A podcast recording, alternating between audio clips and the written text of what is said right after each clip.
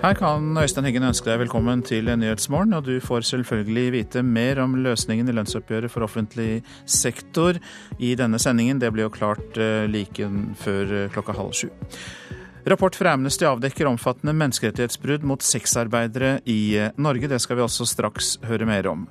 Helsesøstrene frykter at de blir de reneste sykestuer når de nye fraværsreglene kommer i videregående skole. Og norsk kan forsvinne helt som forskningsspråk, frykter lederen av den faglitterære Forfatterforeningen. Vi kommer tilbake til lønnsoppgjøret i staten. Vi går nå direkte til Amnesty International, som i dag lanserer fire rapporter om sexarbeideres levekår. De viser bl.a. at sexarbeidere blir utsatt for vold og overgrep. En av rapportene er om Norge, og generalsekretær i Amnesty Norge, Jon Peder Egenes, velkommen. Takk skal du ha. Hva er de viktigste funnene? Ja, De viktigste funnene er, som du nettopp har nevnt, at selv i Norge så utsettes sexarbeidere for, eh, for menneskerettighetsbrudd. Eh, og når jeg sier sexarbeider, så snakker jeg om voksne mennesker som selger sex frivillig. Um, og det er en, en rekke brudd, men, men, kanskje de viktigste vi har kommet fram til, er at sexarbeidere blir utsatt for tvangsutkastelser og dermed får brutt eh, retten til bolig, og at sexarbeidere ikke har den samme likhet for loven og beskyttelse av loven som det alle borgere og alle som bor i Norge skal ha. Eh, og dette er eh, alvorlige, alvorlige, funn, og det er funn som eh, viser at norske myndigheter altså ikke etterlever sine menneskerettslige forpliktelser i forhold til denne marginaliserte og diskriminerte gruppen. Dere kritiserer også politiets metoder. Hvorfor? Jo, politiet, tar jo ut, altså politiet er satt til å håndheve det norske lovverket, men, men det de gjør, er at de tar utgangspunkt i de som ikke gjør noe ulovlig, nemlig sexarbeiderne. I Norge er det forbudt å kjøpe sex, og det er forbudt å tilrettelegge for salg av sex, men det å selge selgesex er ikke forbudt.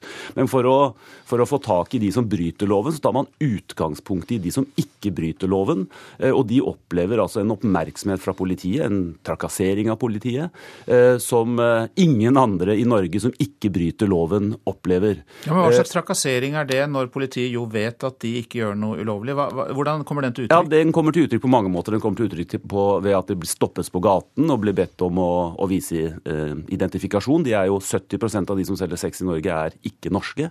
Eh, det, kom, det kommer til uttrykk at de kommer hjem til dem, gjør husransakelser. Eh, et av de store problemene er at de bruker eh, det faktum at det kan være mange kondomer i en leilighet som et bevis på at her selges det sannsynligvis sex, noe som gjør at mange sexarbeidere ikke holder seg med mange kondomer, noe som kan bli et stort helseproblem, og også bryte retten til helse.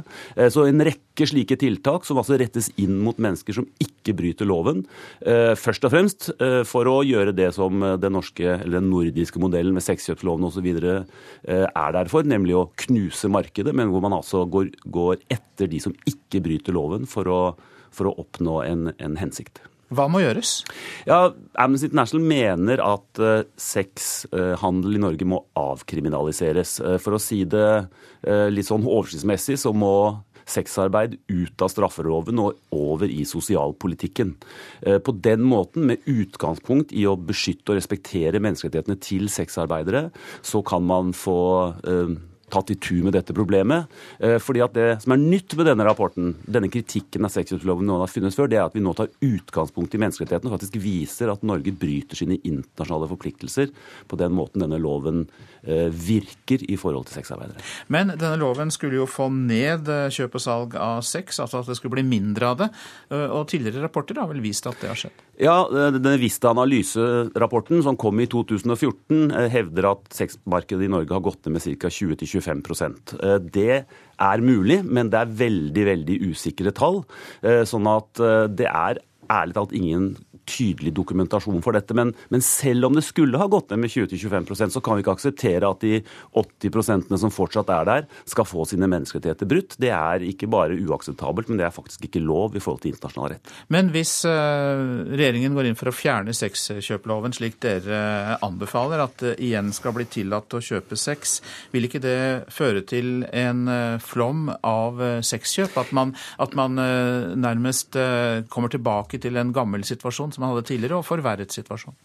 Ja, altså det, det, det vil føre til, er at man kommer tilbake til situasjonen når det gjelder sexkjøpsloven til før 2009, og når det gjelder hallikparagrafen, som er en av de vanskeligste lovene, og den som faktisk fører til flest menneskerettighetsbrudd, en, en situasjon før 2003. Og det var vel ikke sånn at hvis vi tenker tilbake til den tiden, så var Norge et slags uh, syndens pøl og et, et sexkjøpsparadis.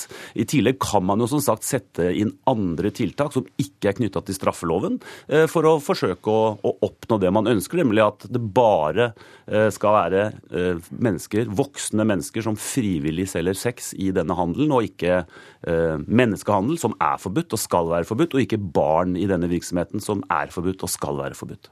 Takk skal du ha i denne omgang, generalsekretær i Amnesty Norge, John Peder Egenes.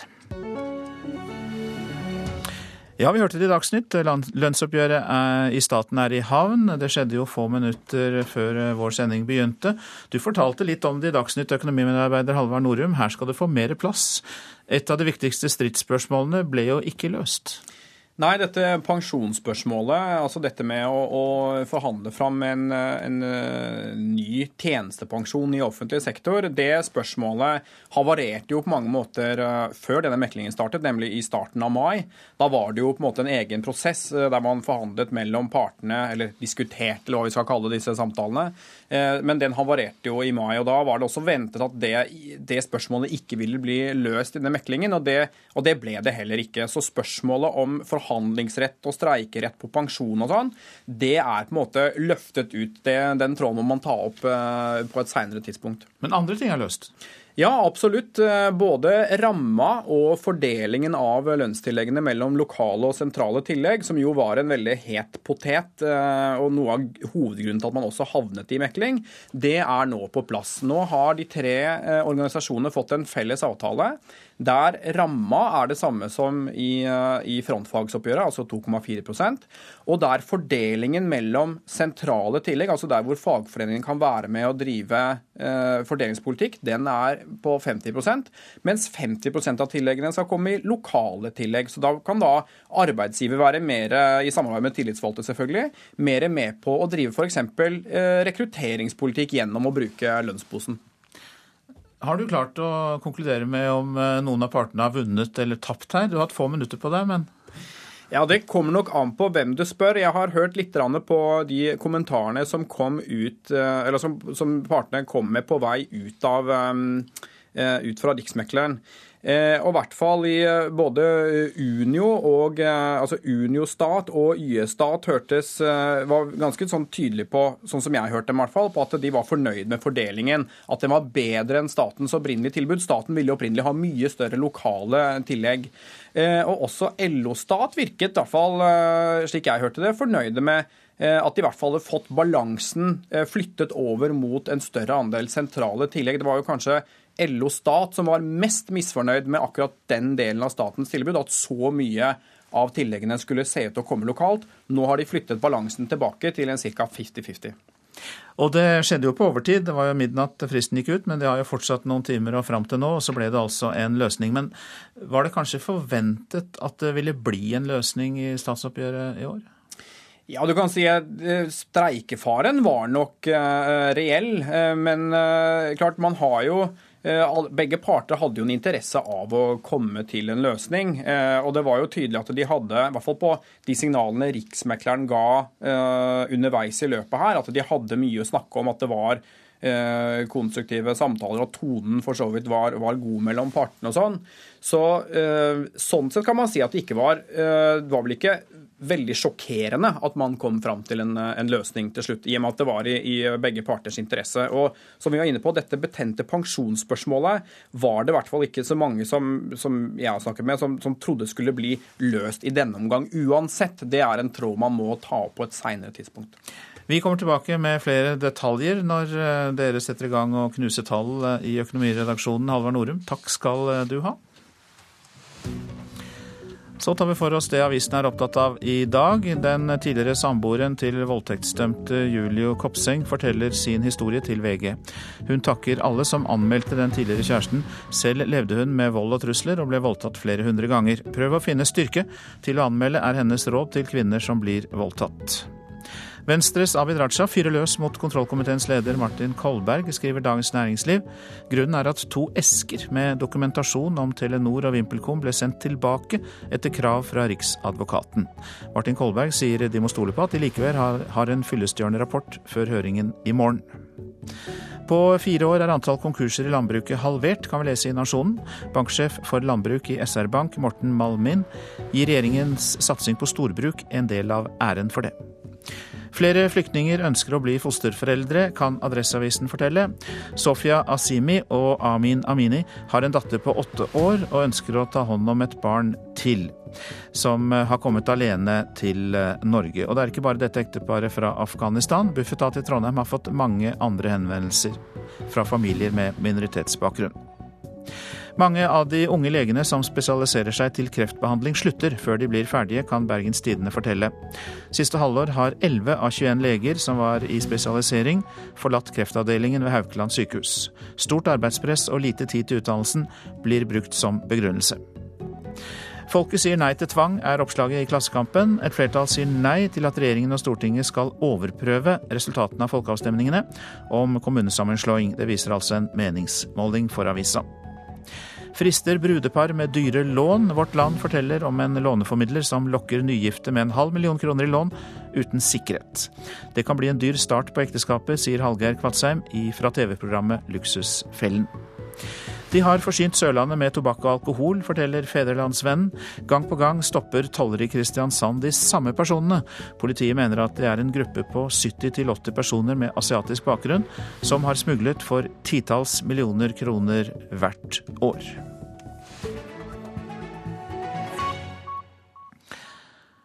Unge svenske fotballdommere mobbes og sjikaneres. Over halvparten av de spurte i en undersøkelse gjort av Sveriges Radio forteller at de har opplevd krenkende kommentarer. Sevis Kurbanova fra Nykjøping har dømt fotball i tre år, og har spesielt én vond opplevelse.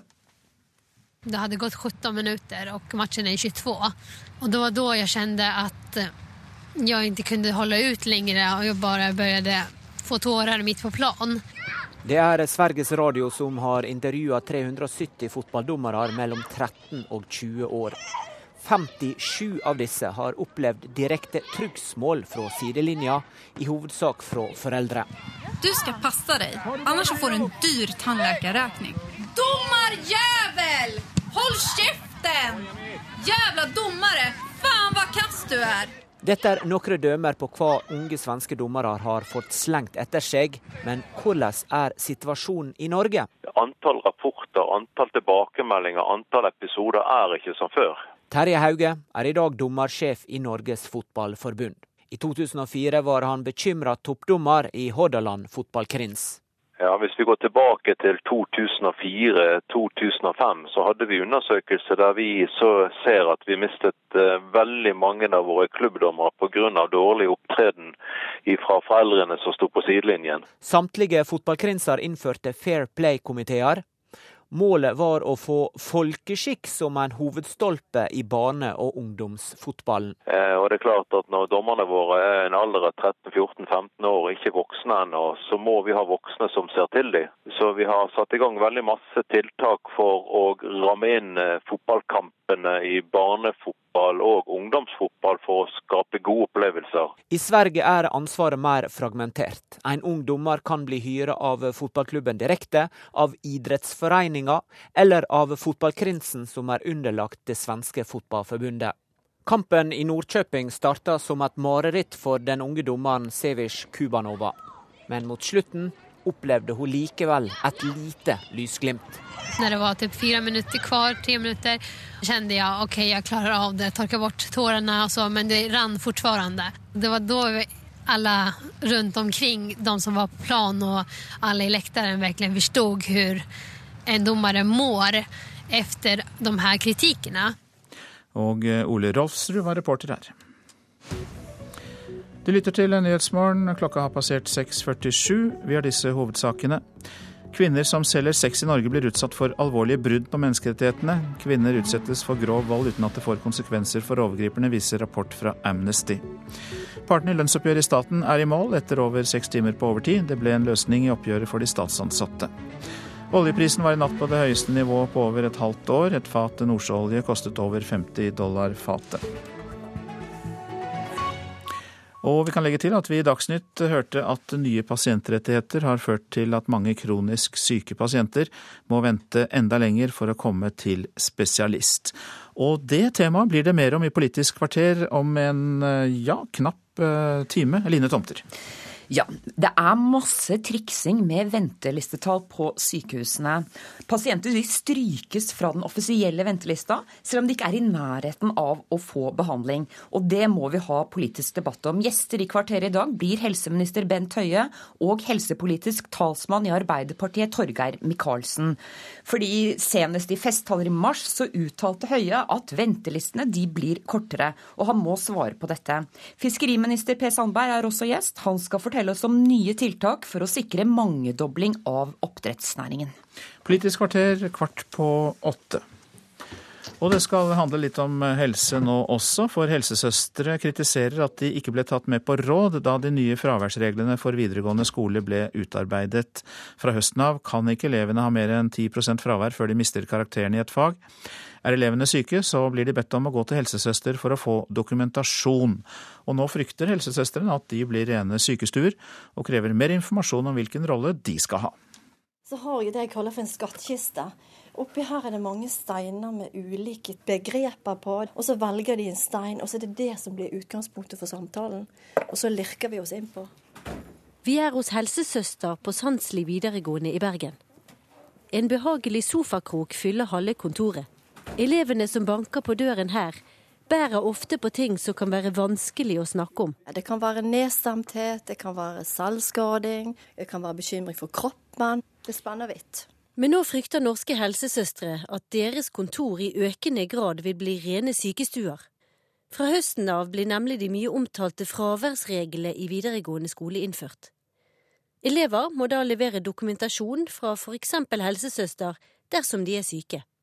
Helsesøstrene frykter det vil gjøre arbeidsmengden deres enda større, og at det vil bli mindre tid til det de gjør i dag. Vi er jo redd for eh, at skolehelsetjenesten skal få en sånn kontrollfunksjon, da, i stedet for at det er et frivillig tilbud. Det sier Kristin Valdum Grevbo, leder av landsgruppen av helsesøstre.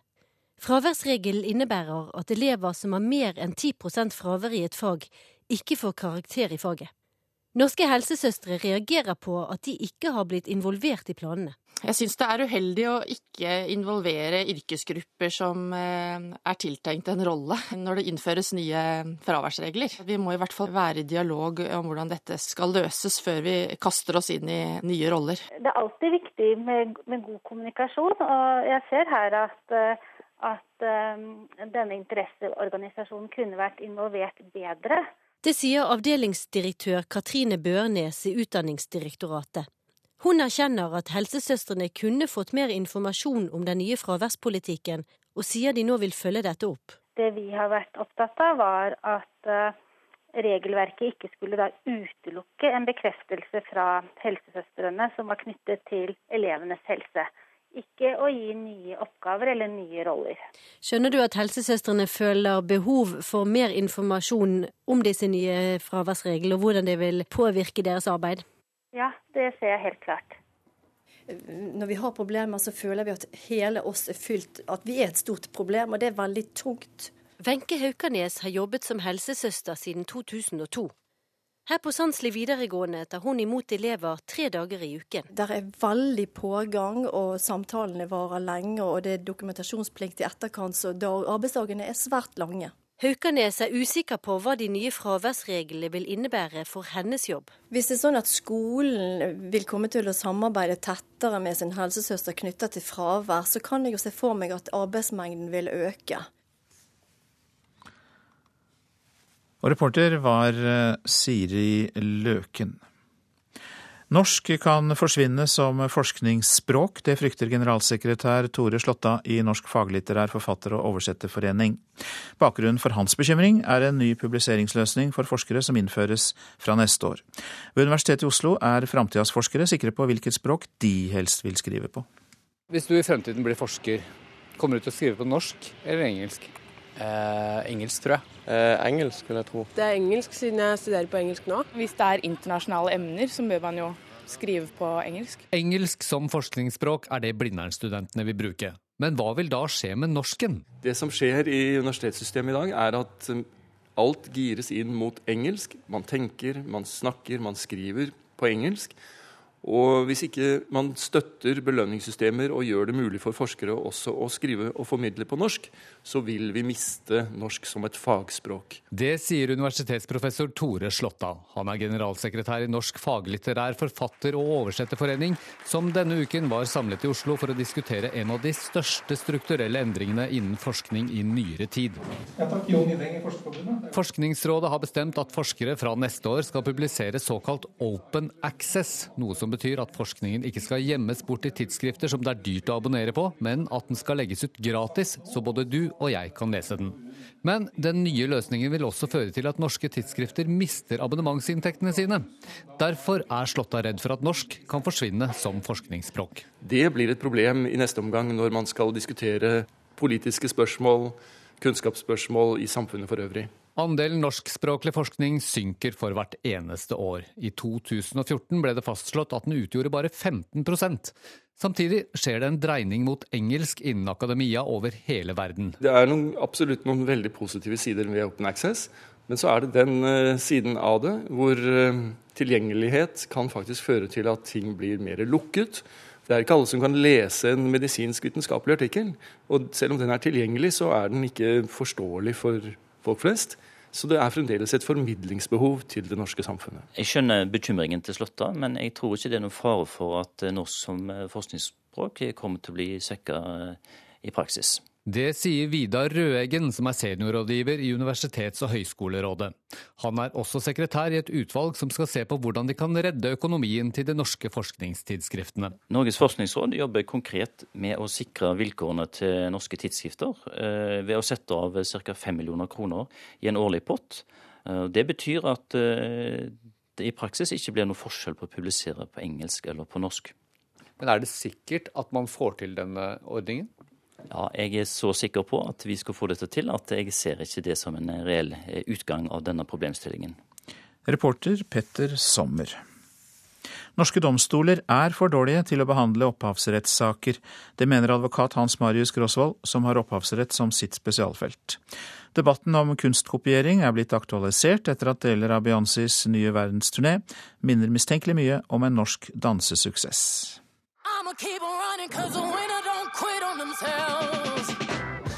Beyoncé er for tiden ute på verdensturné. Låta 'Freedom' framfører en av verdens aller største artister, omkranset av dansere i et ankeldypt basseng.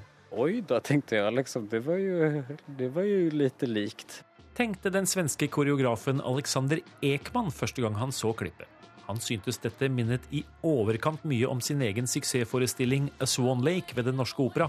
Ikke minst med tanke på at Beyoncés dansere hadde ringt ham om nettopp dette. Og så ville de ha tips i prinsipp på hvordan de skulle gjøre. Til NRK i går avsa Danse-Norge en enstemmig dom over superstjernens framføring. Akkurat på det klippet jeg har sett, så syns jeg det er en kopi. Ja, det er jo trist, men ikke noe overraskende. Jeg syns det er klart en kopi. Ideen, den tror jeg er en ganske sånn kopiert fra Ekman. I utlandet ender krangler i gråsonene mellom kopi og inspirasjon ofte i rettssalen. I fjor ble f.eks. folkene bak denne hiten dømt til å betale etterkommerne 60 millioner kroner fordi juryen mente den lignet for mye på en Marvin Gaye-låt. Men her i Norge har det vært svært få slike saker i rettssystemet, og det får konsekvenser. Ikke alle dommere og ikke alle domstoler er like vant til å håndtere konflikter som, som har med opphavsrett og utøvende kunstneres rettigheter å gjøre.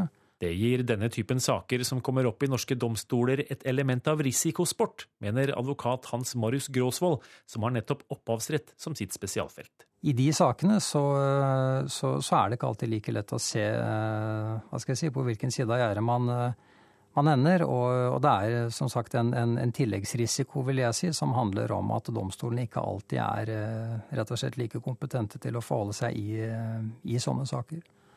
Og dermed så får man også enkelte ganger avgjørelser i domstolene som fagmiljøet, altså opphavsrettsjuristene f.eks., ikke, ikke alltid er, er enige i. Sakene blir jo belyst i retten i timer og dager, både faktum og juss.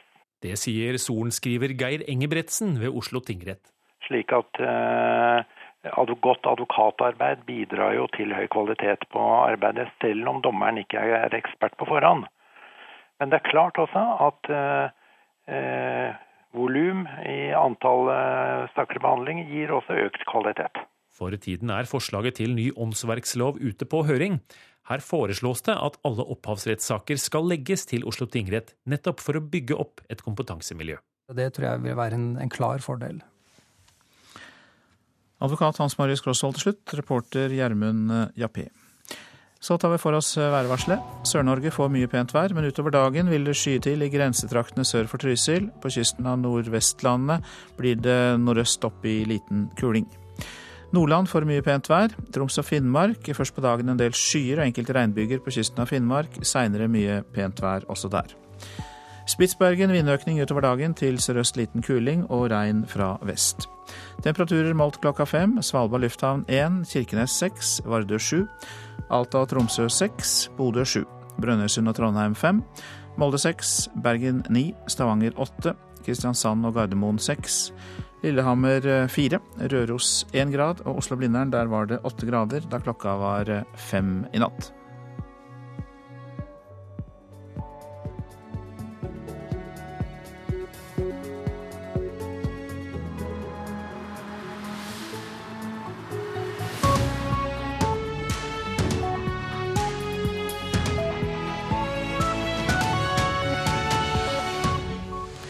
Nyhetsmorgen fortsetter med disse sakene. Etter at nye pasientrettigheter ble innført, må mange kronisk syke pasienter vente enda lenger på å komme til spesialist. Helseministeren er allerede kommet til studio. Han skal svare på hvorfor det skjer. Hva blir lønna til de statsansatte? Vi orienterer mer om løsningen i statsoppgjøret her i Nyhetsmorgen. Utviklingshemmede skal ikke straffes med fengsel på samme måte som folk flest, mener professor, som derfor krever et granskningsutvalg. Og hvorfor hemmer flom og oljekrise en norsk skofabrikk? Ja, det får du også svar på. Ja, etter at nye pasientrettigheter ble innført, så må mange kronisk syke pasienter vente enda lenger for å komme til spesialist. Noen har allerede ventet i flere år, og nå rykker de bakover i køen. Tiltaket er best for politikerne, ikke like bra for pasientene, sier kvalitetssjef ved Lovisenberg sykehus. Så sette beina sånn at de står ved siden sånn. i samme plan er veldig viktig. Mm. Passe på at knærne dine ikke overstiger foran deg. Mona Heibakk Stensrud er hos fysioterapeuten. Treningen gjør henne godt, og hindrer at hun stivner. Men hun har kjent at Parkinson-sykdommen har gjort henne mer ustø og vinglete i det siste. Hun skulle gjerne vært hos nevrologen sin. Jeg har ikke vært der siden for over et år. Nå begynner jeg å føle at jeg er skjev, og jeg mister balansen veldig ofte. og Derfor så er det viktig å komme nå. Fastlegen kan ikke øke medisindosen, det er det spesialisten som må gjøre. Men der får hun ikke time nå. Og da fikk jeg svar tilbake at eh, jeg må nok kontakte fastlegen for å få fornyelse av reseptene. For legen hadde ikke kapasitet på timer, så jeg får noe når han blir ledig. Men det kan bli lenge for Stensrud å vente. Hun og andre pasienter med kroniske sykdommer blir skjøvet stadig bakover i køen, det forteller Elisabeth Gulofsen Selius, som er nevrolog ved Universitetssykehuset i Oslo. I november ble det innført nye regler som sier at nye pasienter med henvisning fra fastlegen skal komme til spesialist innen ti dager. Og blir den fristen brutt, kan pasienten gå et annet sted og sende regningen til sykehuset. Resultatet er at det er blitt et enormt fokus på å ikke ha fristbrudd. At alle skal ha behandling innen fristen. Og det betyr at alle som først har vært innom, har vi så vidt hilst på de, registrert de inn i systemet, så kommer de bakover i køen. Og i denne køen finner vi både de nye pasientene som nå har sluppet inn i systemet, og kronikerne som må vente der på time. Det at du tar de inn og kvitterer de ut, så det ikke gir noen kostnader for oss, da blir det mye venting, og det er bare, altså bare eh, pasientens helse det går utover. Som en kollega har uttalt, så er det en rett til å hilse, ikke til helse. For når pasientene først har fått den første vurderingen de har krav på, kan det gå lang tid før det skjer noe mer. Det sier kvalitetssjefen ved Lovisenberg sykehus, Per Arne Holmann. Pasienter får bare rett til utredning, ikke rett til behandling. Mange flere blir satt på en intern venteliste.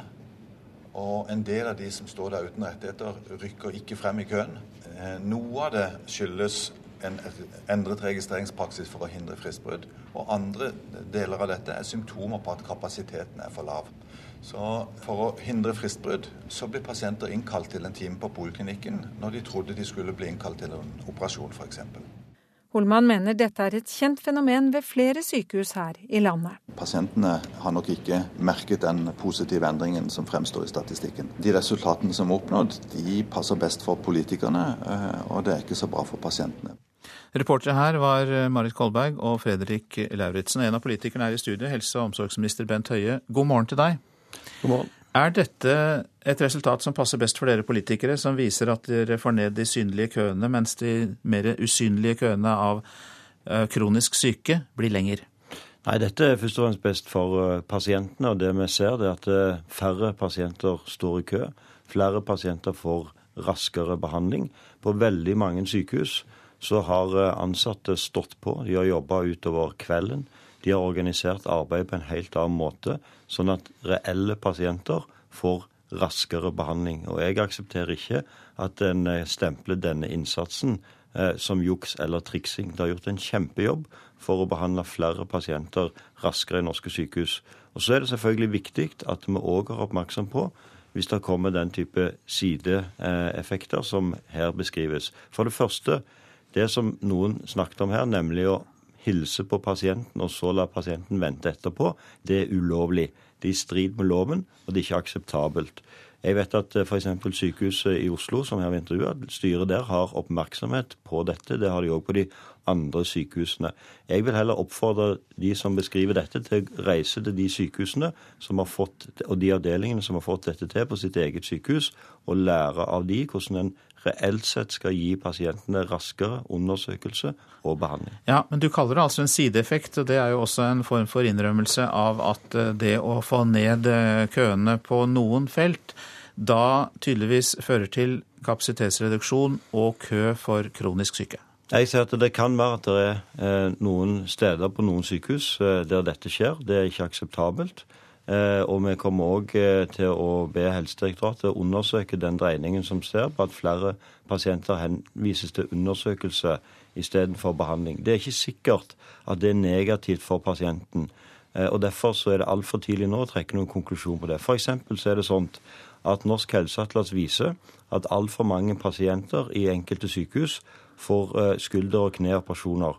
Da er det bra at pasienten henvises til en undersøkelse der f.eks. en fysioterapeut får sett på pasienten. Og bra at de må vente? Bra nei, bra at de henvises til å få en fysioterapeut til å undersøke, fordi i mange tilfeller er operasjon feil, dårlig for pasienten, økt risiko. Så det er altfor eh, lettvint å trekke den konklusjonen at fordi om flere pasienter henvises til undersøkelse istedenfor behandling, så det er dårlig medisin. Tvert imot, det kan godt være at det er god medisin. Men det du da kaller en sideeffekt, hadde du forutsett at den kom? Dette er ikke noe nytt fenomen. Som pasientombudet sier i intervjuet i Dagens Medisin, som denne saken eh, stammer fra, så er dette et problemstilling som har dukket opp med jevne mellomrom. Det betyr òg at de tallene som er sammenlignet med tilbake i tid, der vil en òg ha denne type undersøkelser og, eh, eller us usikkerhet. Men det som er viktig, det er at det ikke er akseptabelt, og at eh, ledelsen følger opp på de sykehusene. Og ikke minst at de avdelingene som opplever at de ikke lykkes med å få ned ventetider og garantibrudd, at istedenfor å tyde denne type virkemidler som ikke er akseptabelt, lær av de som har fått det til. Det er veldig mange som har stått på og lykkes med dette. La oss gå konkret til verks. Nevrolog Elisabeth Gullofsen eh, Selius på Oslo universitetssykehus forteller jo altså at de har pasienter som har ventet opptil fire år for å komme inn til kontrolltime. Hva er da helseministerens budskap til de pasientene?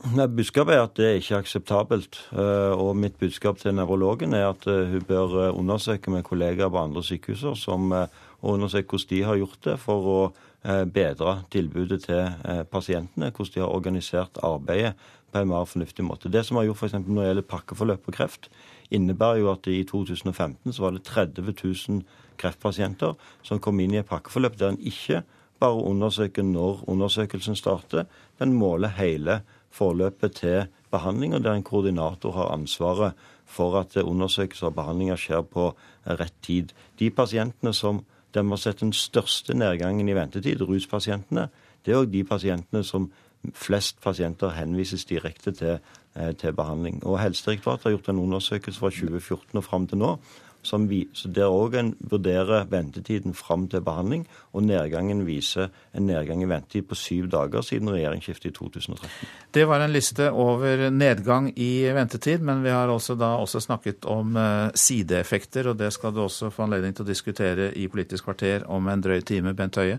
Takk for at du kom.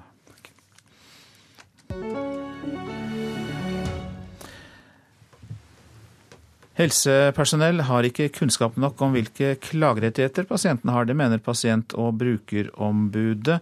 Du har rett til å klage om du mener behandlingen din ikke er rett, eller du vil ha en ny vurdering av operasjonen om den er nødvendig.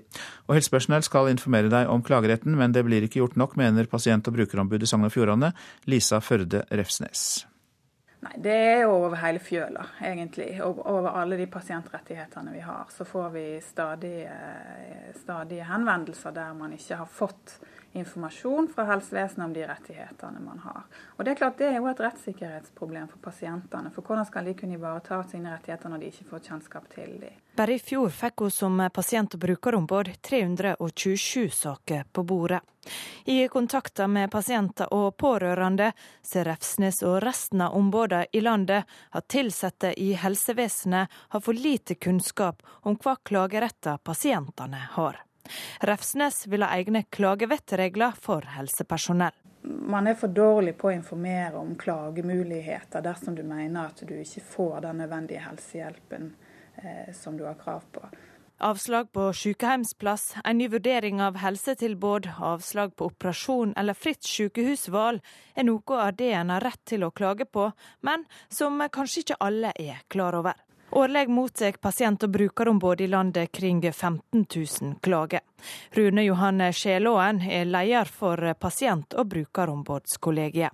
For det første så må de kjenne um, pasient- og brukerrettighetsloven. De må vite at uh, pasientene har rett til god informasjon, til brukermedvirkning, at det finnes klageadganger, og at helsepersonell faktisk plikter å informere om disse klage, klageadgangene. De tar til orde for å starte en informasjonskampanje for å spreie kunnskapen både hos pasienter og ansatte i helsevesenet. Fagdirektør i Helse Førde, Hans Johanne Breidablikk, mener det er en god idé, for kunnskapen om pasientene sine retter er ikke god nok. Kommunisere med pasient og pårørende også i vanskelige situasjoner på en slik måte at, at, at de skjønner hverandre og ikke går ut og den ene eh, har opplevd det ene og den andre har opplevd det andre. Det, er jo å få til det som er den store kunsten i mine øyne. da. Men i dette her så ligger det jo at selvfølgelig så må eh, de ansatte være klar over pasienten sine rettigheter, og at de har blitt betydelig mye større de senere åra enn det de har vært. Reporter Eva Marie Felde. Det ble altså løsning på lønnsoppgjøret i offentlig sektor. Økonomimedarbeider Halvard Norum, du er tilbake hit i Nyhetsmorgen. Hva får de statsansatte i tillegg? Altså Ramma på oppgjøret blir den samme som i frontfaget, nemlig 2,4 eh, Og 1,15% gis gis som såkalt sentrale eh, tillegg, mens resten blir fordelt i lokale forhandlinger. Og frontfaget det er da de som går foran for offentlig sektor og setter en slags mal? Ja, det er jo industrien, og den følger jo en eh, modell helt tilbake fra 60-tallet, der vi lar konkurranseutsatt industri på en måte definere omtrent størrelsen på lønnsoppgjøret, slik at ikke lønnsoppgjøret på en måte ødelegger konkurranseevnen til den konkurranseutsatte delen av norsk næringsliv. Det er derfor dette begrepet frontfaget stadig dukker opp. Takk skal du ha. Eh, hvilke stridsspørsmål ble løst i natt? Ja, Det var jo særlig det spørsmålet med fordeling av eh, sentrale og lokale tillegg. Staten ønsket jo en større andel lokale tillegg, bl.a. fordi at man da kan bruke disse lønnsreglene til å drive rekrutteringspolitikk. Altså du øker lønna der du, hos de gruppene der du trenger mer kompetanse, eller du står i fare for å miste den. Mens øh, fagforeningene ønsket jo mer sentrale tillegg, fordi da kan man drive mer sånn fordelingspolitikk løfte svake grupper, de som har sakket akterut osv. Um, og det var det jo én uh, hovedsammenslutning som ikke var i mekling, for de hadde allerede inngått en avtale, nemlig Akademikerne, der de lokale tilleggene utgjorde 75% mens i meklingen nå så har altså da de gjenværende uh, hovedsammenslutningene pushet dette tilbake til en 50-50-fordeling. og Forhandlingsleder Pål Arnestad i YS Stat sier at han er veldig godt fornøyd med den løsningen. Meglingen har eh, vært god, og den har medført at vi har fått et eh, mye bedre resultat for våre medlemmer enn det vi hadde når vi tok brudd 30.4. Eh, Så både økonomien, fordelingen av økonomien med et større generelt tillegg til alle medlemmene, men også det at vi har et godt, stort lokal pott som våre tillitsvalgte nå skal gå i gang med å fordele og forhandle ute, er vi godt fornøyd med. Vi, vi liker moderniseringen av hovedtariffavtalen. Vi liker det at de tillitsvalgte får eh, et større ansvar for eh, lønnsdannelsen, og at de får ta i bruk de virkemidlene som eh, sentralt har hatt hånd om inntil nå. Ja, Fornøyde parter det hører vi jo gjerne rett etter at eh, forhandlingene er i havn. Men det var også spørsmål som ikke ble løst? Ja, og det er jo dette store pensjonsspørsmålet. Altså, begge, Både staten og, og fagforeningene ser jo behov for å modernisere tjenestepensjonen i offentlig sektor. Men der har man ikke klart å bli enige om eh, prosessen, altså hvorvidt man skal ha forhandlingsrett og streikerett på dette. Der var det jo en egen prosess som brøt sammen 3. Eh, mai, var det vel. Eh, og det var heller ikke ventet for så vidt at man skulle klare å løse den floka i, dette, eh, altså i denne meklingen, og det har man heller ikke klart. Så det er en eh, Du kan si partene, og særlig da fagforeningen, vil si at det er vi, er vi skuffet over. Men man må altså da ta opp den tråden på et senere tidspunkt, og akkurat når det blir, det, det kan ikke jeg svare på her og nå. Mange takk skal du ha, økonomimedarbeider Halvard Norum. Dette er Nyhetsmorgen. Klokka nærmer seg 7.18, og vi har disse hovedsakene. Det blir altså ikke streik i offentlig sektor. Partene ble enige hos Riksmekleren i morges. Etter at nye pasientrettigheter ble innført, må mange kronisk syke pasienter vente enda lenger for å komme til spesialist. Kvinner som selger sex i Norge, blir utsatt for alvorlige brudd på menneskerettighetene. De utsettes for grov vold, i tillegg til at de trakasseres av politiet, viser rapport fra Amnesty.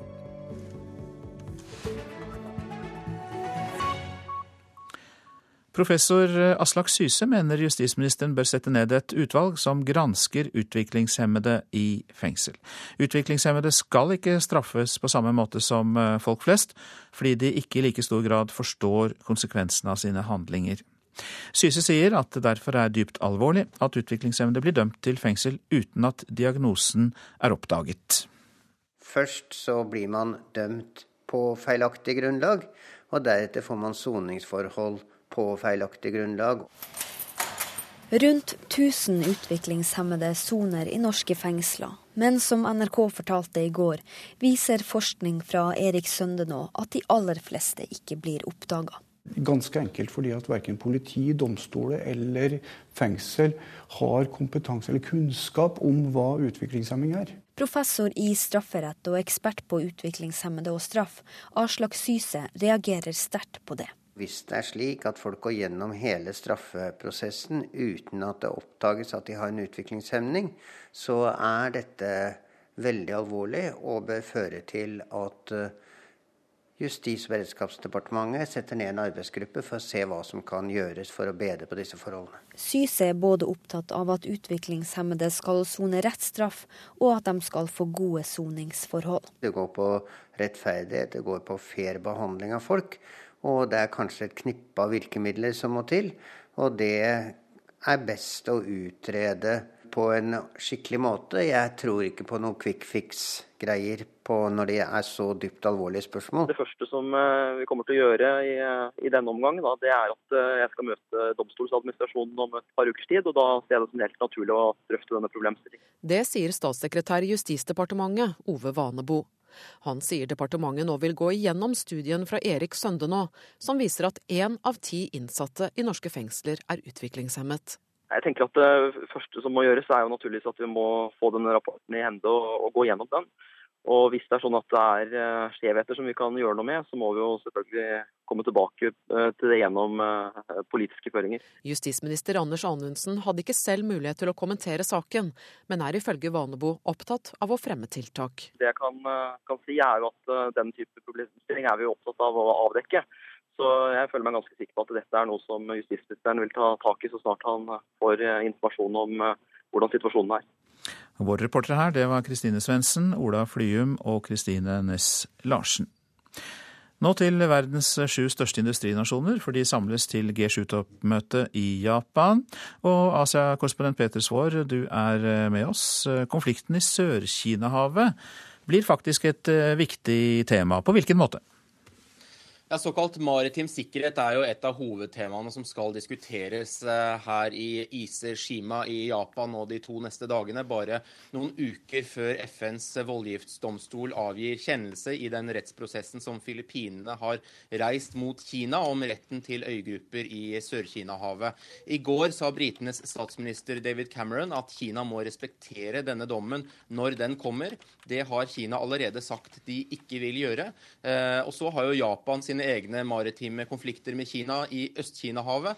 Og USA støtter Vietnam og Filippinene i eh, Sør-Kina-havet. Så dette blir viktige spørsmål hvor eh, det spørs om USA og Japan får de andre europeiske landene med seg, eh, og hvilke formuleringer som kommer inn i slutterklæringen fra dette møtet om maritim sikkerhet. Hvis det kommer slike formuleringer, så vil det bli mottatt veldig negativt i Beijing, som jo mener at G7-møtet uansett er en overlevning fra en annen tid, hvor verdens nest største økonomi, nemlig Kina, jo ikke ikke er med.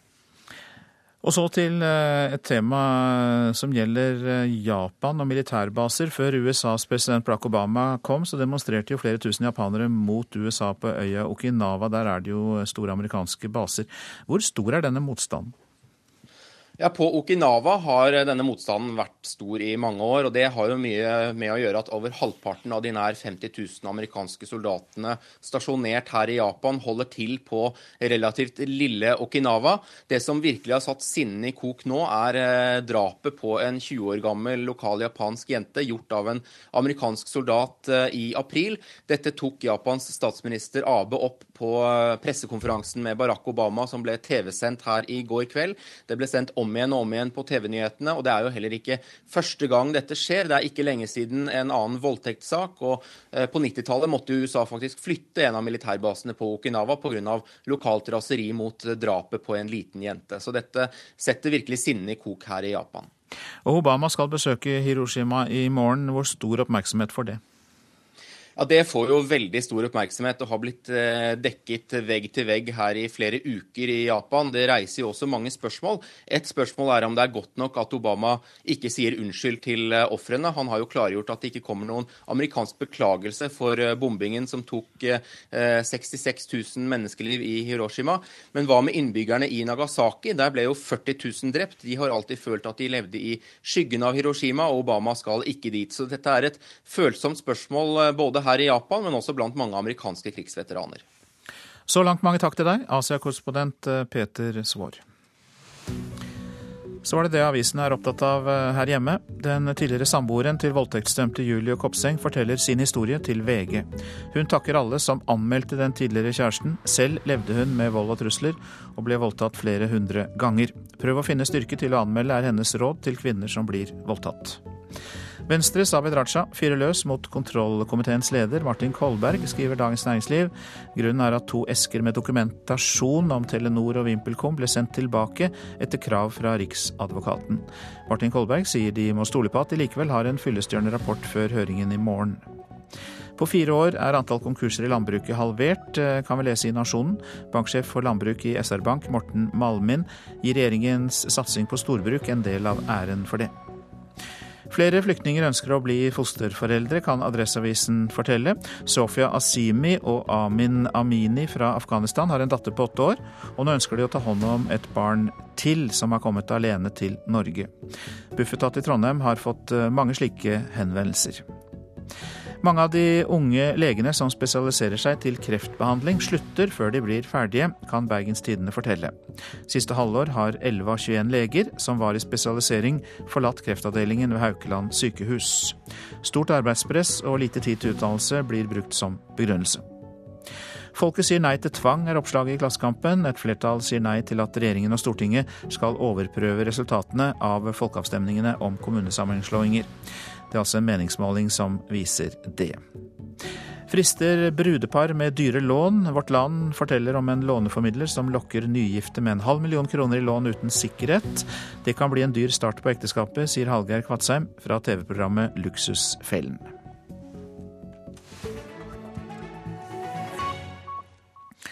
Nå om en skofabrikk i Rogaland som har vært gjennom en tøff vinter etter at flom ødela fabrikken i desember. Nå er produksjonen på beina igjen, men et nytt problem har dukket opp. Salget av vernesko har minket betraktelig pga. krisa i oljesektoren. Da lå garderobe, toaletter og gangen og hele fabrikken i første etasje under vann. Her måtte alt nytt. Alt er bygd opp på nytt igjen, ja. Sigmund Steinberg er leder av familiebedriften Eiks treskofabrikk i Hofsherad i Lund. Etter at Sunne herja med fabrikken og satte den under vann i vinter, jobber hele familien og de ansatte på spreng for å komme raskest mulig tilbake i produksjon. Jeg kan ikke erstatte de maskinene. Derfor var det viktig at de kom fort på gang igjen. Så det lages ikke sånne maskiner? Nei. Det var noe spesielt som var på 70-tallet, når tresko var inn og var en stor mode. Nå er det bare brukte maskiner, og det er ikke til framskaffa. Med svært sårbart utstyr og ny tru starta produksjonen av vernesko og tresko opp igjen i vår. Men da oppdager de et nytt problem. Industrien på Sør- og Vestlandet var ramma av arbeidsledigheten. Det jeg har registrert, er at det går mindre vernesko. Det sier Olav Steinberg, som er en av åtte ansatte.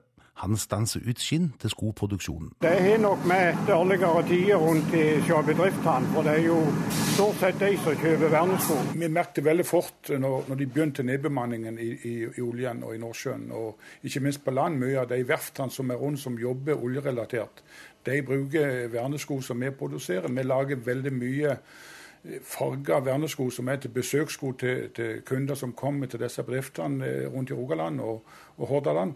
Eh, der merker vi at det er en tilbakegang. Og Derfor har de nå kasta seg rundt for å omstille seg til butikkmarkedet og motetresko. Designeren på fabrikken, Karin Steinberg, har tatt i bruk mønster og sterke farger, og satser på harde og mjuke sko og et nytt marked. Dette her er mjuke. Det er mjuke, men da mener du på hælene? På hælene. Det, det, det, er mer som en vanlig sko. Han er mjuk å gå i. Og disse bruker de jo som en fritidssko på jobb. og så de er mye bedre å gå i eller tresko nå. Og bestillingene har begynt å komme. Ja, og Det var en euroskobutikk på Hitra i Trøndelag som skulle ha påfyll av myke tresko. Sigmund Steinberg liker at oljeprisen har steget igjen de siste dagene. Det håper han er et tegn på at det kan gå mot bedre tider for verdensskoproduksjonen igjen. Det betyr veldig mye for oss. For vi kjøper 95 eh, av alle råvarer får vi i euro. Og det er klart at Når krona er svak, så betaler vi dyrt for råvaren. Og stiger oljeprisen, så styrker krona seg, og da får vi òg billigere råvarer. Så dette er en dobbel virkning, egentlig. Både med at du får økt aktivitet i industrien, pluss at vi får bedre pris på råvaren. Denne reportasjen var laget av Øystein Ellingsen. Du lytter til Nyhetsmorgen, produsent Ingvild Ryssdal, her i studio Øystein Heggen. Hjemmene til fattige rives i Pretoria i Sør-Afrika. Det har ført til opptøyer. Det kan du høre mer om i reportasjen etter Dagsnytt. Og så spør vi om eh, fiskeriministeren overkjører fagmyndighetene i Politisk kvarter eh, kvart på åtte. Og eh, det har oppstått skjulte helsekøer her i landet. Det er det andre temaet for debattene i Politisk kvarter.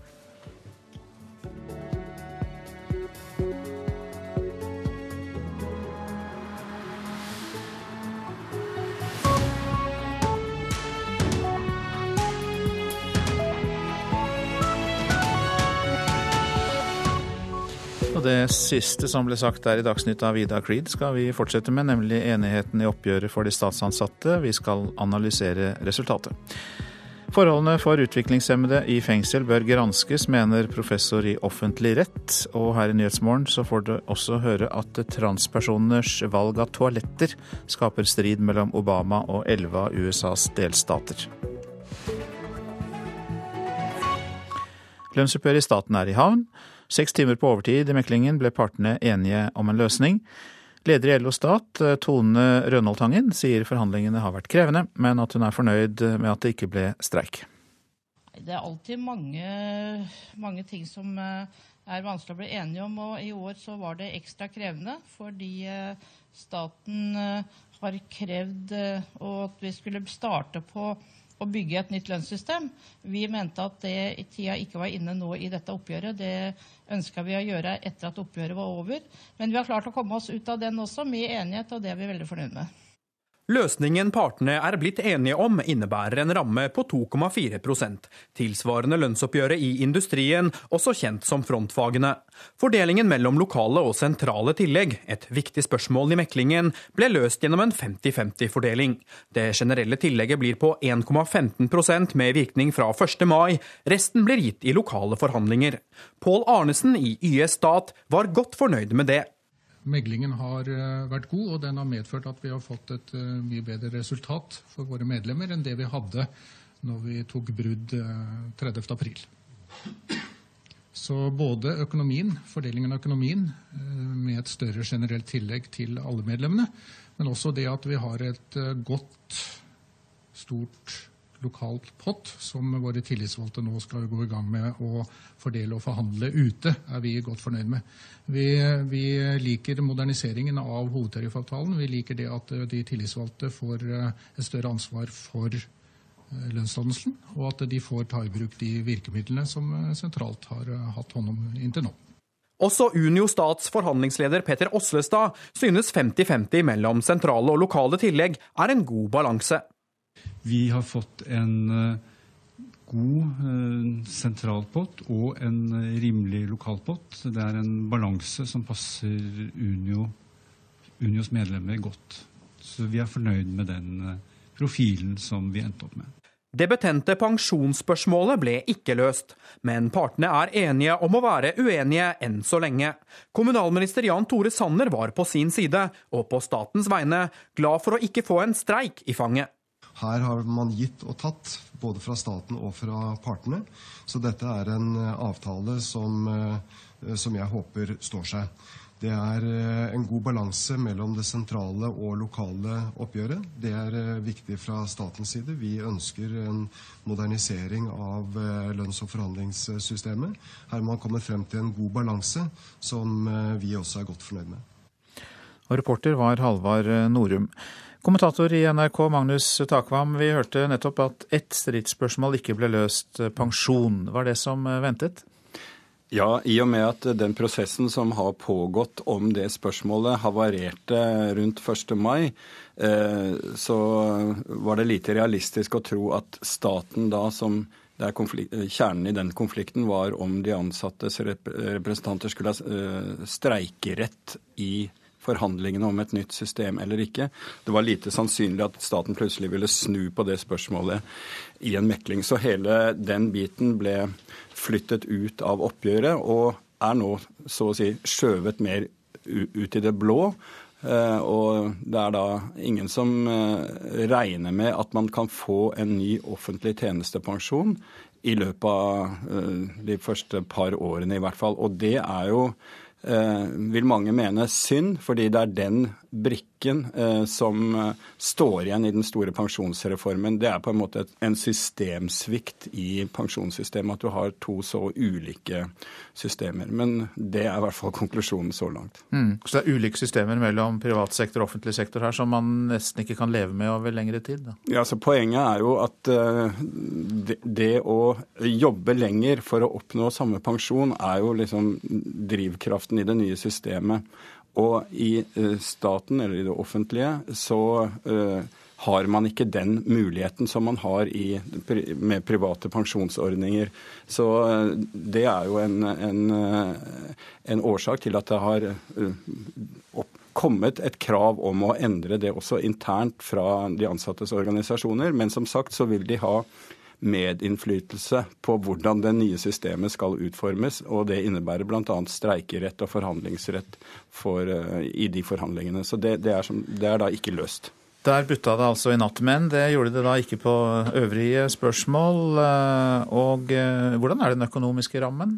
Den er som frontfaget, sånn at totaløkonomien var ikke konflikttema. Det var, som vi hørte i innslaget her, eh, fordelingen av lønnsmidlene sentralt eller ute i virksomhetene. F.eks. i Nav, i politiet, i tollvesenet, der staten har villet ta nesten all lønnsdannelse ut i disse virksomhetene, fordi de mener det gir fleksibilitet, det gir eh, de som sitter med eh, personalansvaret rundt omkring, anledning til å bruke lønn som rekruttering osv. Sånn. Men det er da en kjent konflikt mellom fagforeninger og arbeidsgiver, og der endte det hele opp med at man Eh, samlet seg om en middelløsning der 50-50 av lønnsmidlene eh, fordeles sentralt eh, og lokalt. Så det bidro til å løse, løse denne meklingen.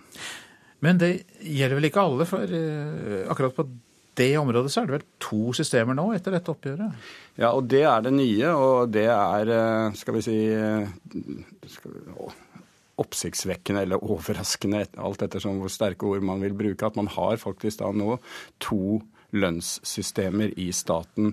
Akademikerne aksepterte statens, første, aksepterte statens tilbud. og Det betyr at man i hvert fall på enkelte eh, deler av samfunnet, der f.eks. For i forskning, i politiet osv., der det er samme yrkesgruppe i de, kan være i de ulike organisasjonene, så kan også samme jobb få ulik betaling alt ettersom hvilken organisasjon man tilhører. Og det er en veldig spesiell situasjon.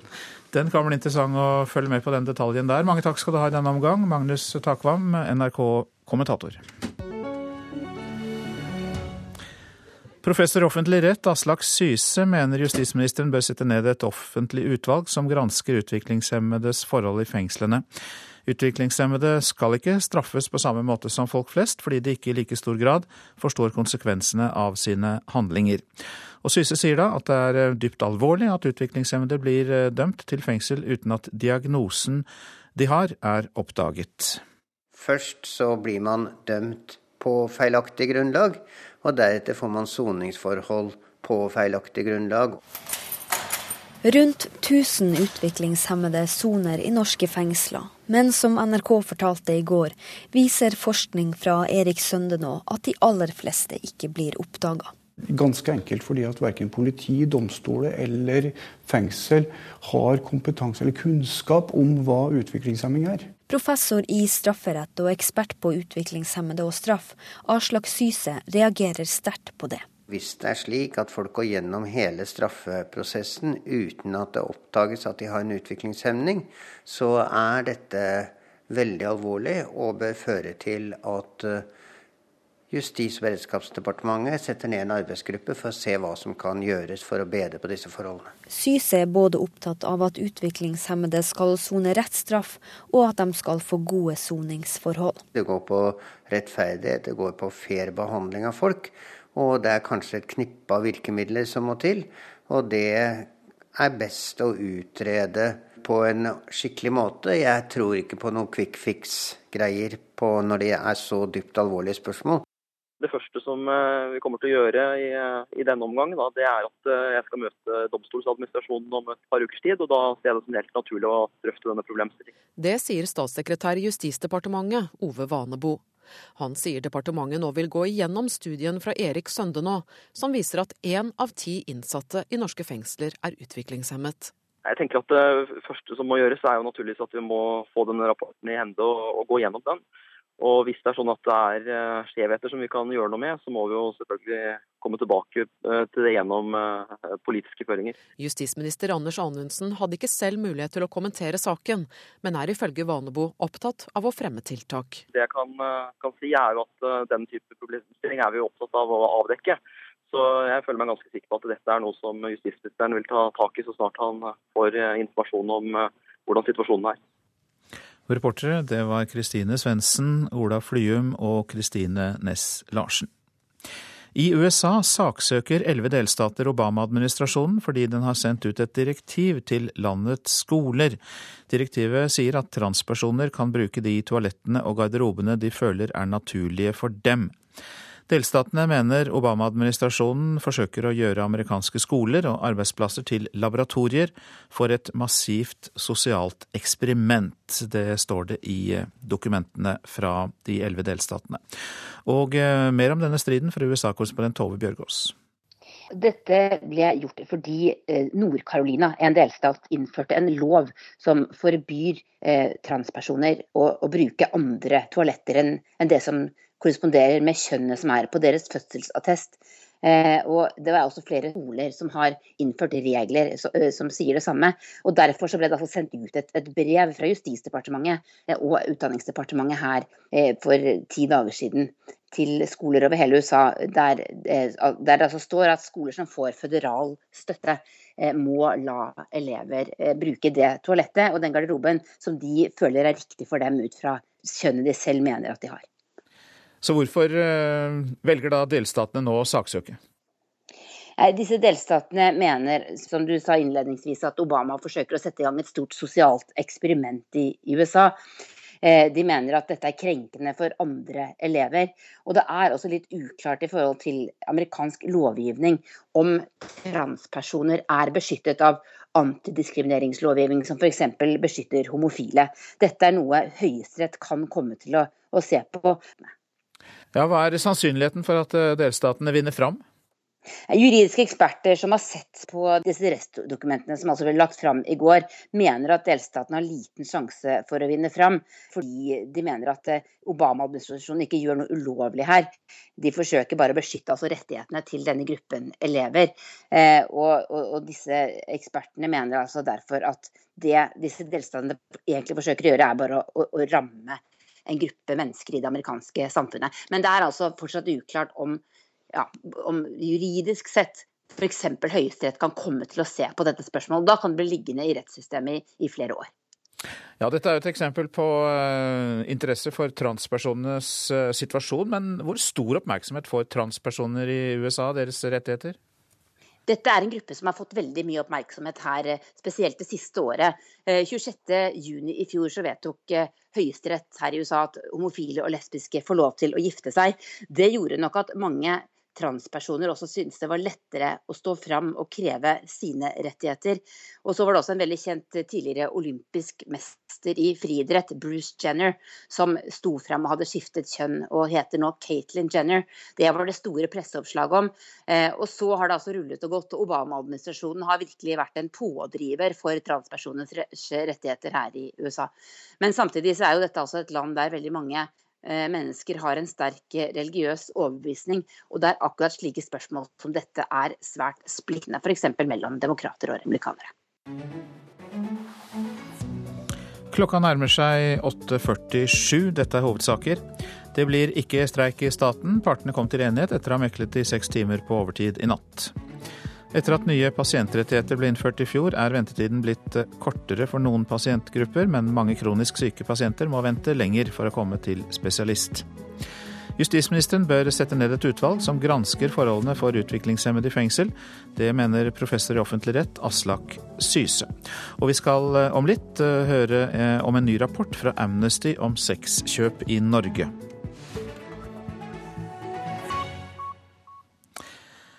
Men nå om dette med likebehandling og pasientkø. For pasienter i sykehuskø strykes fra den offentlige listen selv om de ikke er i nærheten av å få behandling.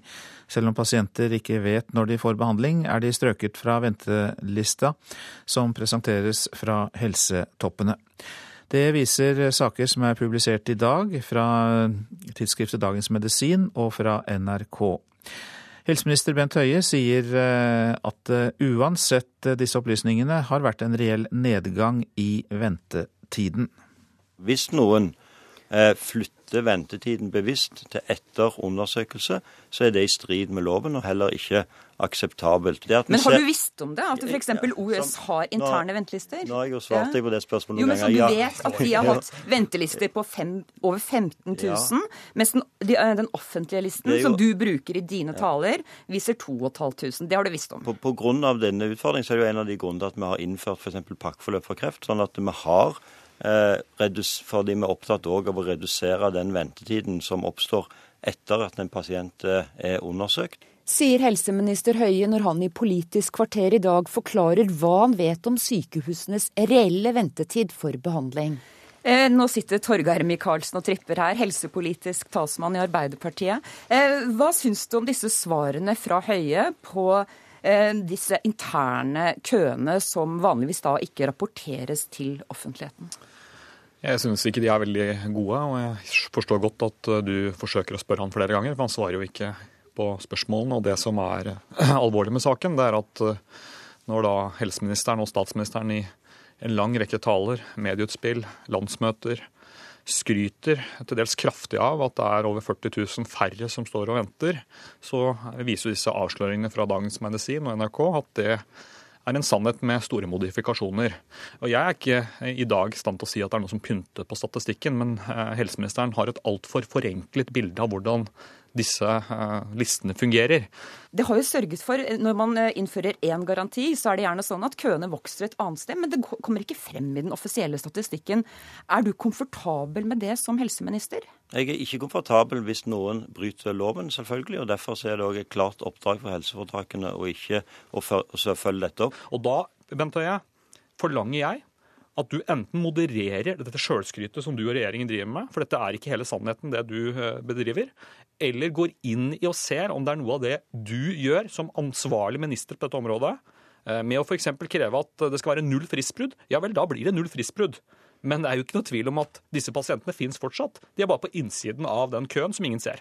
Jeg tror det bør være veldig forsiktig med å trekke den type bastante konklusjoner. Rett og slett fordi at det gjøres en enorm jobb i sykehusene.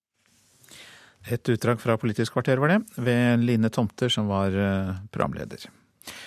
Ifølge en rapport fra Amnesty blir eh, sexarbeidere i Norge utsatt for omfattende menneskerettighetsbrudd og trakassering fra politiet.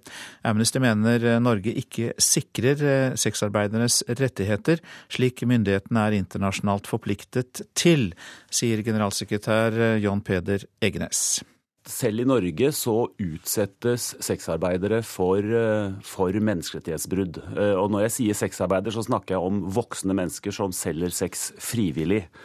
Um, og det er en, en rekke brudd, men, men, kanskje de viktigste vi har kommet fram til, er at sexarbeidere blir utsatt for tvangsutkastelser og dermed får brutt eh, retten til bolig, og at sexarbeidere ikke har den samme likhet for loven og beskyttelse av loven som det alle borgere og alle som bor i Norge skal ha. Eh, og dette er eh, alvorlige, alvorlige, funn, og det er funn som eh, viser at norske myndigheter altså ikke etterlever sine menneskerettslige forpliktelser i forhold til denne marginaliserte og diskriminerte gruppen. Dere kritiserer også politiets metoder. Hvorfor? Jo, politiet, tar jo ut, altså politiet er satt til å håndheve det norske lovverket, men, men det de gjør, er at de tar utgangspunkt i de som ikke gjør noe ulovlig, nemlig sexarbeiderne. I Norge er det forbudt å kjøpe sex, og det er forbudt å tilrettelegge for salg av sex, men det å selge cellesex er ikke forbudt. Men for å, for å, få tak i de som bryter loven, så tar man utgangspunkt i de som ikke bryter loven.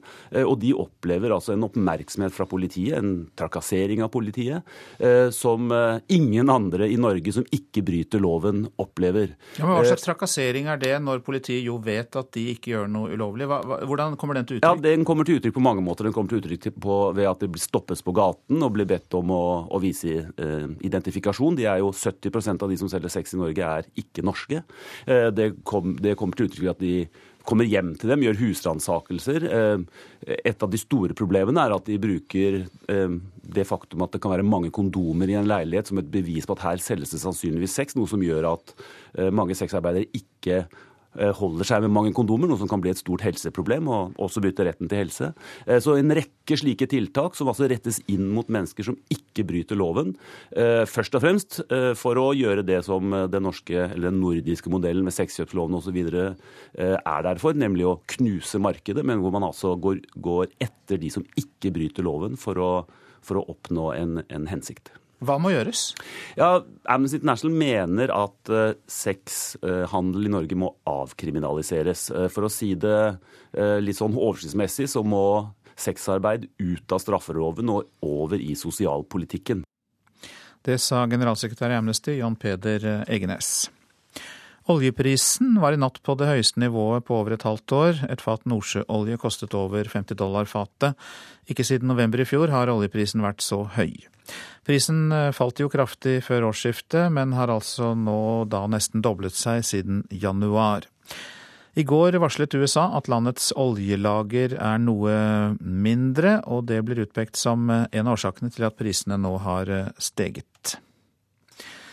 Nå om en skofabrikk i Rogaland som har vært gjennom en tøff vinter etter at flom ødela fabrikken i desember, og så kom produksjonen på beina igjen. Men et nytt problem dukket opp. Salget av vernesko har minket betraktelig, og det er pga. oljekrisa. Da lå garderobe, toaletter på gangen og hele fabrikken i første etasje under vann. Her måtte alt nytt. Alt er bygd opp på nytt igjen, ja. Sigmund Steinberg er leder av familiebedriften Eiks treskofabrikk i Hofsherad i Lund. Etter at Sunne herja med fabrikken og satte den under vann i vinter, jobba hele familien og de ansatte på spreng for å komme raskest mulig tilbake i produksjon. Det er jo kanskje erstatte de maskinene. Derfor var det viktig at de kom fort på gang igjen. Så det lages ikke sånne maskiner? Nei. Det var noe spesielt som var på 70-tallet, når tresko var inn og var en stor mode. Eh, nå er det bare brukte maskiner, og det er ikke til framskaffa. Med svært sårbart utstyr og ny tru starta produksjonen av vernesko og tresko opp igjen i vår. Men da oppdager de et nytt problem. Industrien på Sør- og Vestlandet var ramma av arbeidsledigheten. Det jeg registrerte er at det går mindre vernesko. Det sier Olav Steinberg, som er en av åtte ansatte. Han stanser ut skinn til skoproduksjonen. Det har nok med dårligere tider rundt i bedriftene, for det er jo stort sett de som kjøper vernesko. Vi merket veldig fort når, når de begynte nedbemanningen i, i, i, oljen og i Nordsjøen, og ikke minst på land. Mye av de verftene som er rundt som jobber oljerelatert, de bruker vernesko som vi produserer. Vi lager veldig mye eh, farga vernesko som er til besøkssko til, til, kunder som kommer til disse bedriftene eh, rundt i Rogaland og, og Hordaland. Eh, der merker vi at det er en tilbakegang. Og Derfor har de nå kasta seg rundt for å omstille seg til butikkmarkedet og motetresko. Designeren på fabrikken, Karin Steinberg, har tatt i bruk mønster og sterke farger, og satser på harde og mjuke sko og et nytt marked. Dette her er mjuke. Det er mjuke, men da mener du på hælene? På hælene. Det, det, det, er mer som en vanlig sko. Han er mjuk å gå i. Og disse bruker de jo som en fritidssko på jobb. og så de er mye bedre å gå i eller treskoene da. Og bestillingene har begynt å komme. Ja, og Det var en euroskobutikk på Hitra i Trøndelag som skulle ha påfyll av myke tresko. Sigmund Steinberg liker at oljeprisen har steget igjen de siste dagene. Det håper han er et tegn på at det kan gå mot bedre tider for verdensskoproduksjonen igjen. Det betyr veldig mye for oss. For vi kjøper 95 eh, av alle råvarer får vi i euro. Og det er klart at Når krona er svake, så betaler vi dyrt for råvaren. Og Stiger oljeprisen, så styrker krona seg, og da får vi også billigere råvarer. Så dette er en dobbeltvirkning, egentlig. Både med at du får økt aktivitet i industrien, pluss at vi får bedre pris på råvaren. Der fikk vi høre om sammenhengen mellom oljepris og vernesko, og reporter var Øystein Ellingsen. Statsmeteorolog Rafael Escobar Løvdahl, hjertelig velkommen. Takk for det. Kan vi ikke like godt si pent vær og takk for det? Jo da, da takker jeg for meg. Ha det. ok. Uh, siden vi har noen minutter, så kan ja. vi jo kose oss med dette. For du har kanskje noen detaljer? Kanskje et par skyer du har oppdaget? Ja, det er et par skyer i Sør-Norge, og så er det mer skyet i nord. Men det blir jo lettere her. Men vi kan jo starte med der hvor det er riktig så fint vær nå. Det er Østlandet, Telemark og Sørlandet. Men så er det dette lavtrykket som ligger i Sverige, som etter hvert vil føre til noe med skyer inn mot svenskegrensa. Men det ser ut til å holde seg stort sett øst av eh, Mjøsa. Men det, det kommer da sent i ettermiddag kveld. Temperaturen nå 12 grader på Blindern, og så blåser det en nordøst bris langs kysten, som etter hvert vil bli mer skiftende bris når det går mot ettermiddag. På Vestlandet mye pent vær. Temperaturene kommer nok også i dag over 20 grader mange steder. Det var jo 22 i Bergen i går som var varmest i landet. Kommer vi til Trøndelag, så ligger det noen skyer eh, nå først på dagen. Jeg ser at på Ørlandet så henger det noe lavt igjen, mens inne på Værnes har det allerede lettet. Men det er beskjedne temperaturer. 6,7 grader på Trondheim Voll klokken åtte. Og så er det den nordøsten som blåser opp mot en frisk bris, kanskje liten kuling. Eh, og det gjelder også nord på Vestlands nord for Stad, på kysten av Møre og Romsdal. Kan nok være en nordøst liten kuling. Men som vi nevnte, i Nord-Norge blir det gradvis lettere vær. Men det gikk noen få byger i Finnmark nå først på dagen. I Nordland vil det være stort sett skiftende bris og pent vær, mens i Troms og Finnmark vil det dreie på sør-vest opp mot en frisk bris på kysten. Ganske beskjeden temperatur også i Troms, med syv grader. Og så er det Spitsbergen da, som får et lavtrykk som beveger seg langs Grønland og der vil vinden øke på til sørøst. Liten kuling, og det kommer inn etter hvert noe regn fra vest. Men før den tid rolig vindforhold og oppholdsvær på Spitsbergen. Helt til slutt, Hvorfor stopper regnværet som gjerne kommer inn fra havet i vest? Nå har vi jo høytrykk over Færøyene, og det stopper liksom litt trafikken fra vest. Så det er høytrykk i vesten, og da kommer ikke disse lavtrykkene inn. Vi takker høytrykket over eh, Færøyene. Takk skal du ha, Rafael Escobar Løvdahl. Vi runder med å si at eh, Sven Gullvåg eh, var ansvarlig for eh, nyhetssendingene i dag. Produsent i Nyhetsmorgen Ingvild Ryssdal. Teknisk ansvarlig Espen Hansen. Her i studio Øystein Heggen.